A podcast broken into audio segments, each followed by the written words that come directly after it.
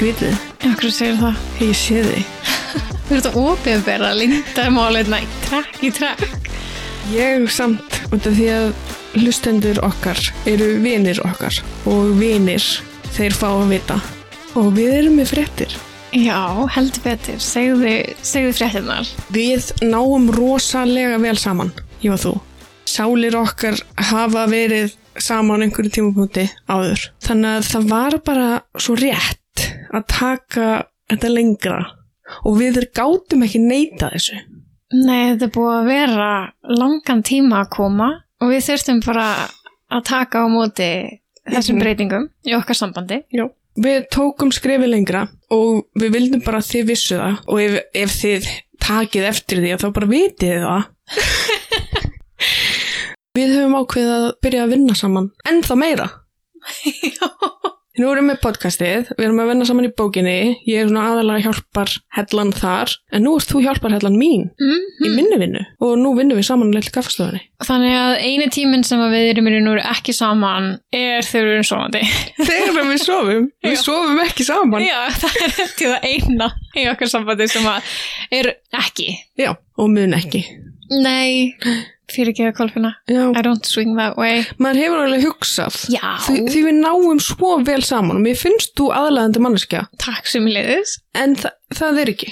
Nei, það, það er ekki þessi neisti. Nei, ef þið voruð að vonast eftir því, þá nei. Ég er líka bara svo ógeðslega skotin í Aronu Pálmasinni. Já, Ég er búin að skotin í hann frá því ég sá hann fyrst, sko. Mhm. Það er mörg að segja. Þannig að Aron hefði að hlusta Hit Me Up. bókstaflega og líkamlega. oh.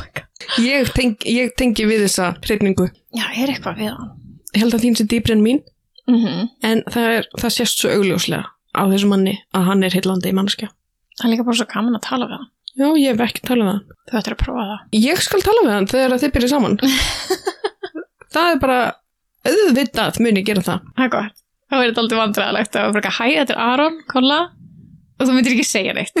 En með þáttinn í dag Mm -hmm. þá finnst mér ég þurfa að koma með svona disclaimer. Mm að þessi þáttur endurspeglar ekki okkar skoðanir á þessu málefni sem við erum að fara að tala um hvort sem að sé á jákvæðan eða neikvæðan hátt þessar skoðanir. Þetta er bara rannsókn sem var gerð og ég er að segja ykkur frá því. -hmm. það er ekkert meira á bak við þetta. Þetta er bara rosa spes. Mm ok, Og líka ef þið heyrið í umferð þá er það vegna þess að við erum á litlu kaffistofunni sem er á þjóðvegi 1. endilega kíkjum við í kaffi Mm -hmm. Þorbjörg tekur mjög vel á móti ykkur, hún er svo mikil people person og hún hefur svo mikla önun af því að þjónusta fólk. Þannig að þið fáið geðveikt góða upplifun á því að fá matinn minn og þjónustuna hennar. við, við erum gott heimi Mjög gott heimi. bara besta teimið held ég Það er mjög gott að vinna með þér. það er mjög gott að vinna með þér Takk fyrir. þú samt ert svona þeiti píka svona eins og ég getur ekki setið kýr og þegar ég sest niður þá stendur þú og þá er maður með svona samanskupið. síti samanskupið já Hvað ertu að fara að segja mér frá í dag? Ég er að segja, ég er að fara að segja þér frá tvíburum sem að lendi í að fara inn í þetta. Mm -hmm. Ok. Janet og Ron Raymer. Ég er potið að bera eftir nafni vittlust fram því bara bear with. Þau eignuðist einekja tvíbura þann 22. ágúst árið 1965. Þið þekki mig, þetta er alltaf einhverstæri kringu 1960. Mm -hmm. En þau eignuðist þessi stráka í Winnipeg í Bandaríkjunum og þau nefndu strákana Bruce og Brian Ég er rosa þakklátt að það er M í þessu nafni en ekki P. út af því ég gerir svo hart P. Nei. Er ekki Reymir? Jú. Vá, Kolfinna, ég er búin að vera vakandi sér klukka 10 myndir í sjö í morgun og klukkar er rúnra 20 myndir yfir fjögur. Við erum búin að vinna í dag. Við erum, já. Oh. Duglegar. Já, ok, ok. Bruce og Brian og Reymur með Emmy. Þegar þeir voru sex mánuða gamlir, þá greindust Bruce og Brian með phimosis og það er ástand þar sem að forhúð getnaðalimsins getur ekki dreigist tilbaka sem að hindrar regluleg þvaglót. Þetta er bara svona ofþröng forhúð. Það er margir sem að lendi í þessu. Þannig að þann 27. april árið 1966 sem að er hvað svona hálfári cirka eftir að þið fættust og þá gengust þeir bræðinir undir umskurð til að laga þetta. Það er algeng aðgerð þar sem að læknir fjarlægi fórhúð getnaðalimsins með skurðaðgerð og náttúrulega í bandaríkjunum þá er þetta bara nánast standard procedure frekar en inn á heima. Og venjulega nota læknar sem að framkvæma umskurðin, svona skurðarnýf, eða önnur beitt tæki til að fjarlæga fórhúðuna, en hins vegar notaði læknirinn hérna óheðbundnu aðferð að brenna fórhúðuna af til þess að valda vefja döða. Umskurður Bruce mistókst. Þannig að Brian gegst ekki undir umskurð, og víst það fór svona fyrir bróður sínum, og hans phimosis eða svona fórhúðar þrenging læknaðist náttúrulega, sem er frábært. Þó að hér raunverulega umfang skadans og getnaðlim brús væri óljós, heldur yfirgnefandi meiri hluti æfasagnaritara og bladamanna því fram í dag að það væri annarkvært búið að algjörlega skera liminans í sundur eða á annan hátt skattaðan umfram mögulega virkni limsins. Í rosalega innföldu máli þá skar læknirinn óvart eða brendi læknirinn óvart tippið honum að. Oh my god uh, Sko ég er með fæturnar herftar saman Ég get ímynda mér að hver einasti kallmaður sem er verk Já, sem næri allavega upp í nafla. Já Og þetta er, þetta er ótrúlega sorglegt af því að það er verið að laga vandamál. Þetta er ekki eitthvað svona fægrun að gerða eða trúa bröð eða eitthvað það er verið að Mhm. laga vandamál og þú bara brennur hann af. Grey badnið, Grey Bruce. Ertu tilbúin í næsta part? mm -hmm. Ok. Hvað gerir maður í svona situationi? Maður spyr sig. Þannig að árið setna, árið 1967, til aðgerðina hræðilegu, þá leituðu fóreldrar Bruce eftir aðstóð Johns Money. Eða Monet, ég veit ekki hvort hann hafi franskur, ég held ekki. Mm Hann var sagt sálfræðingur og kynjafræðingur og hann starfaði á John Hopkins sjúkrahúsinu í Baltimore í Maryland fylki í Bandaríkjunum. Um miðja 20. öld þá hjálpaði Monet að koma á skoðunum um sálfræði, kynvitundar og hlutverk kynjana. Hann var svona daldið undan sínum tíma með þetta. Í akademískum verkum sínum held manni því fram þeirri hugmynd að kyn væri samfélagsleg uppbygging sem að væri þá mótanleg frá unga aldri. Þannig að bara svona basically eins og við erum að sjá í dag að það kyn sem þú fæðist með skilgreinir þig ekki. -hmm. Heldur hvernig maður er alveg upp. Og hann var þarna 1967 bara doing his thing með þetta. Og hann sagði að það væri í þáu brús miða við það sem að hérna kom fyrir hann. Að það væri í þáu hans að vera alin upp sem kona og mælti með kynleiðréttingar aðgerð á brús. Á þeim tíma, svo að þarna 1967, þá fengu unga börn sem að fættust með óeðlilega kynfæri eða tvítóla. Þau fengu oft slík yngripp, þannig að Mhm. þetta var ekki, ekki tilraunar aðgerðin í kynleiðréttingu eða svo leiðis. Og það, þetta ávið líka í dag þegar að börn til dæmis fæðast tvítóla og það þýðir að þau fæðast bæði með kynfæri konu og karls. Þannig að það er sagt, yfirleitt valið annarkvort kynið fyrir barnið strax eftir fæðingu og þetta er bara gert þá. Og manni er að segja, ok, breytum brús í stelpu. Hvað hefði þú gert sem fóreldri? Hann brendi bibban í sundur Já, ekki þessi læknir. Nei, en það sem að gerist Það Já. var það sem gerist Já, Það var ekki hægt að laga það á neitt hátt. Mögulega. Var hann óviskur Nei, Klift hann á þvagrásina? Já, þann bara brendi gegn. Þannig að hann gæti ekki pissað. Ekki eðlilega, en hann var með þvægleg til þess að geta, geta pissa. Ég hefði beðið. Ég hefði útskýrt fyrir bandinu mínu hvað gerðist. Og séð svo setna meir Með betri tekni og tólum Hvað verið hægt að gera fyrir hann þá. Hvort að hann myndi vilja breyta sér stelpu Hvort að hann myndi bara sætta sig við þetta. Hvað myndið þú gera? Ég er með þér í liðið þarna. Mér finnst þetta ofdrastríst ingripp á þessum tímapunkti. Ég held að maður þyrsti líka að vera í aðstæðanum og sjá hversu mikill skaði er skeður. Þegar við Mhm. að tala um að þetta sé bara helmingurinn eða er þetta allt tippið? Það Ég er það bara að sjá fyrir mig pulsu sem er skorin tvent Jöp. Nema rétt svo endan Þannig að þú svona getur Ói. Ef að sjá hvað fóreldrar týpur hann að gera? mm -hmm. Sko, eftir ráðgjöf þeirra við Money, eða Monet, Money, Money, Money, Money, Money, Ég bara þakklátt að það er ekki káð þarna í nafninu ókvið. Kmónei, nei, ég að stríða þær. Ég held þú værir alveg steingjald Kmáni Ok, ok, ok. Þau sem sagt eftir ráðgjöfuna við Money, Þá ákveðu fóreldrarnir að ala Bruce upp sem stelpu og fara eftir læknisráði. Og læknar á Johns Hopkins sjúkrahúsinu fjarlæðu eistu Bruce og skemmta getnaðaliminn og þeir byggu til sköp og leðgöng í staðin. Læknarnir opnuðu einni líti gat á neðri hluta hvið hans svo hann geti pissað. Og eftir hinn leiðréttingar aðgerðana fekk Bruce fornafnið Brenda og fóreldrar hans ólu hann upp Oh sem my stelpu. god. Hvað? Brenda. Má ég er að fatta þetta núna? Oh my god! Oh my god! Ég vona hann hafa aldrei komið til Íslands. Nei, hvað But do you wanna know what your name means in Icelandic? Burnt. Bara allt trámað tilbaka í barnæsku. Úff. Hvernig fattaði ég þetta ekki þegar ég var að skrifa þáttinn? Jesus Christ. Hann fekk estrogen á ólingsárunum til þess að stuðla á þróun, þróun brjósta og, og allt bara svona heila klappið. Og alla æsku sína var brús, þá núna bre- brenda. Með þess að nafnið er í, í kvenkinni. Já, alla æskuna, þá sagði engin brendi.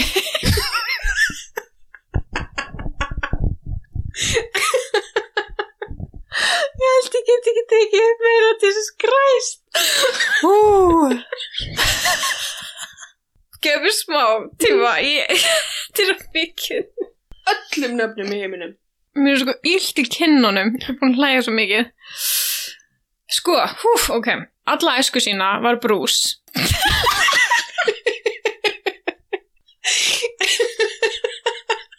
Þess að sagði engin brendu frá því sem að hefði aðtökast. Alla æskuna. Hefður þú sagt barninu bara from the get-go ef þú hefði samþýtt að fara í kynlega leiðréttingar aðgerðina á barninu? Hefður Í dag já, já, ekki á þessum tíma. nei, Því ég hefði ekki vita betur.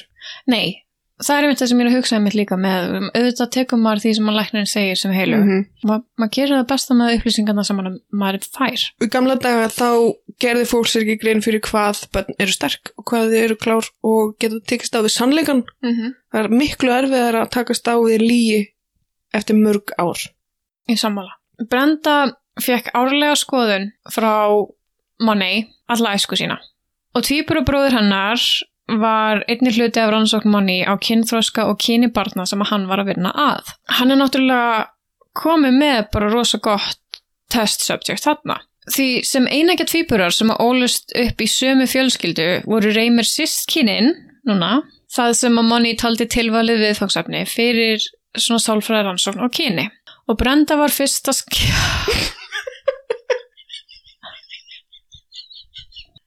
Þetta er hægt að vera nafn. Það sé svo sé maður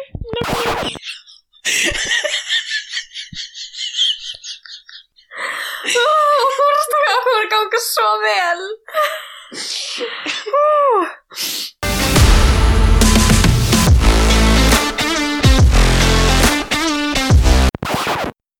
Brenda var fyrsta skjálfesta tilvikið um kynleiðréttingu bars sem að fættist eðlilegt og meðan að Brian, bróðurinnar, var control subject eða viðmiðunar aðili á fag íslenskunni sem deildi saman DNA og Brenda Hvað eigum við að kalla hana?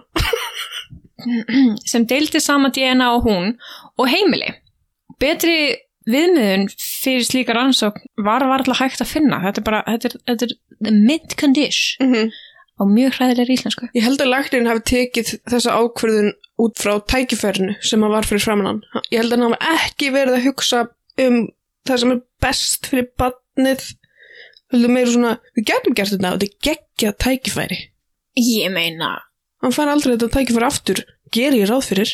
nei, sko auðvitað, auðvitað vill maður hugsa að læknirinn hafi hugsað það sem að væri barninu fyrir bestu en ég held að þetta hafi klálega spilað inn í ákvarðanatökuna. Mm -hmm. því að núna er hann bara með golden tækifæri þarna. Ef að kíkja á hvað Money gerði við þau. Mm Sem hluti af rannsóknum Money voru týpuröndin settir í geðmat í sínum reglulegu heimsóknum. Það meikar alveg sens. En svo urðu hlutirnir frekar fyrðulegir. Því Money let sískinin skoða kynfæri hvers annars og taka þátt í hegðun sem að líkist kynmögum. Þá síndi Money sískinunum mismunandi kynlífsstellingar og let þau leika það eftir með, innan gæslappa, réttu reyfingunum. Fyrir ekki, í sikvara herbygginu. Nei, þú veist saman. Ha? Hann let sískinin gera þessar kynlífstellingar með hverju öðru. Ha? Mhm. Mhm.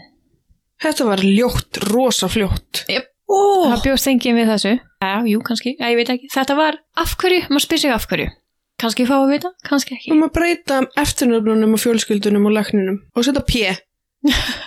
Money, hann réttlæti þennan part á rannsóknunum sem æfingu á heilbriðri kynferðislegri könnun í æsku. Shut the fuck up, Mr. Doctor. Akkurat, við skulum, við skulum endur taka þessa setningu því að við þurfum að láta þetta síðast inn, þetta er læknir, sko. Þetta er æfing á heilbriðri kynferðislegri könnun í æsku. Nei, Mm -mm. þú veist að manipulita tvö saklaus börn til þess að uppfylla þínum eigin fantasíum og fela það bak við það að það er DR fyrir framanafnið þitt. Þetta verður verra.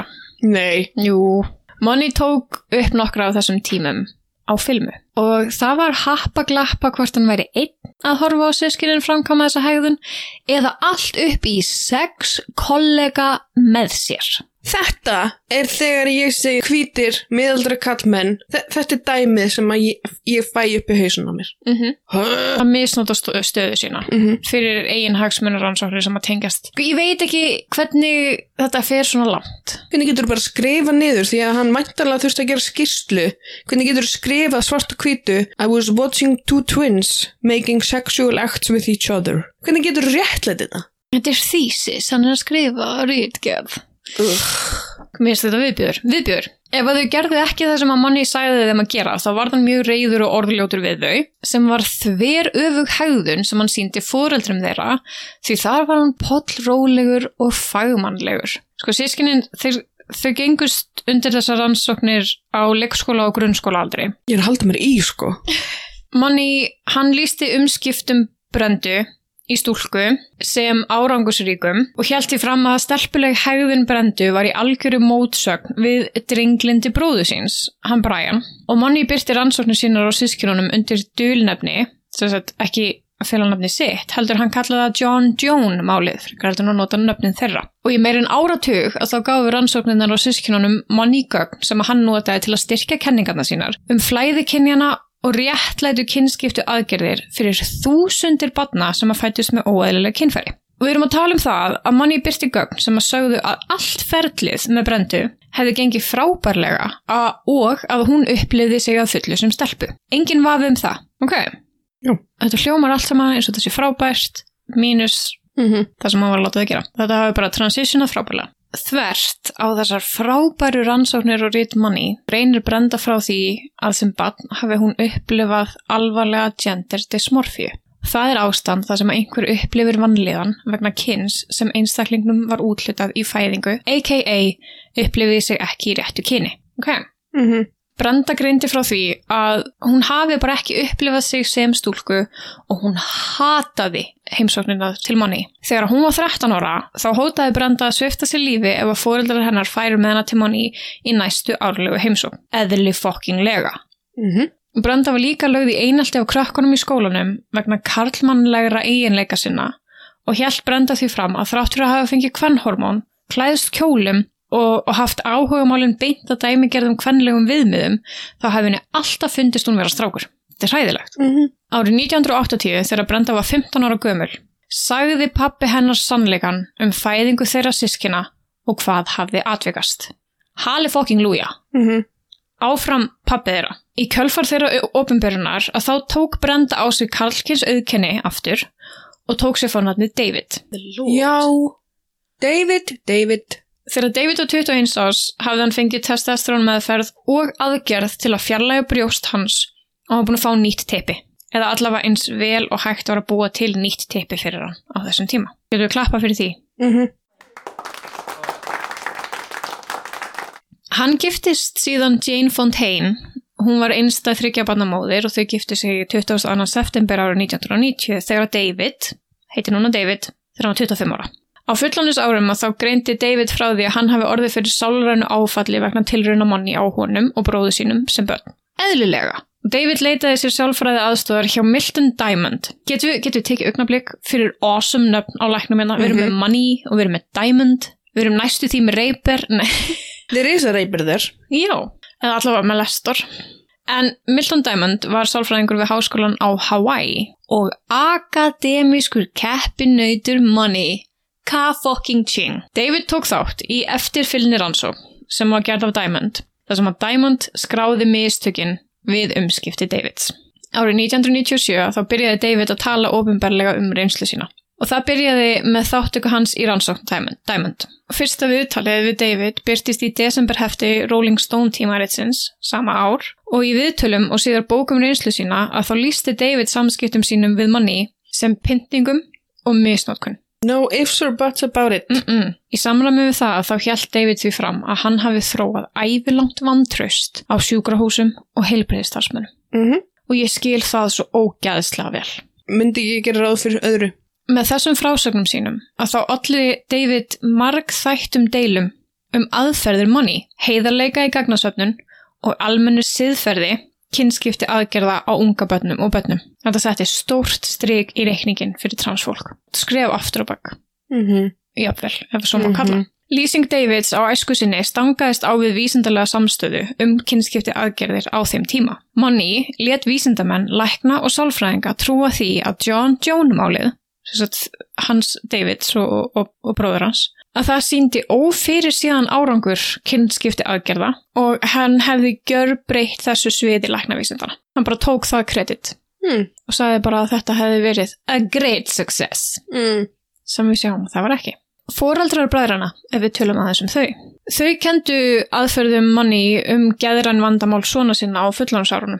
Eðlilega. En þau hafa verið gaggrínt fyrir að hafa ekki tjáð öllum sem að komið á rannsókninni að kynleiðréttingin hafi verið árangursrík og ekkert aðtöfvert væri í gangi heima við. Þá er ég bara basically að segja ykkur að þau trúðu manni og það sem að manni var að gera og segja þeim væri rétt og þau vissu ekki hvað væri í gangi. Og ég vona einilega að það sé satt. Og þau sem sagt hafa verið gaggrínt fyrir að hafa ekki gert neitt og hafi bara trúið í blindni. David sjálfur, hann var líka ásakaður um að hafa logið og farið með rámt mál þegar hann fór að tala um sína reynslu ofinbella. Og þegar að Money var spurður út í það sem að David var að lýsa, ásakaði hann David og þá sem að stuttu hann um að vera transfóbik og að vera antifeministar, en samkvæmt starfsmönnum hans, sagt Money, að þá skammaðist hann sín persónulega fyrir mistökin sem hann gerði. Hann hefur aldrei viðkjönd þetta að hafa verið mistök. Hvað tilur hann sem mistök? Að hafa gert þessa rannsókn eða að hafa misnotað barnið? Ég held að hann telji það sem mistök hjá sér að Brenda hafi breytt sér síðan meir í David.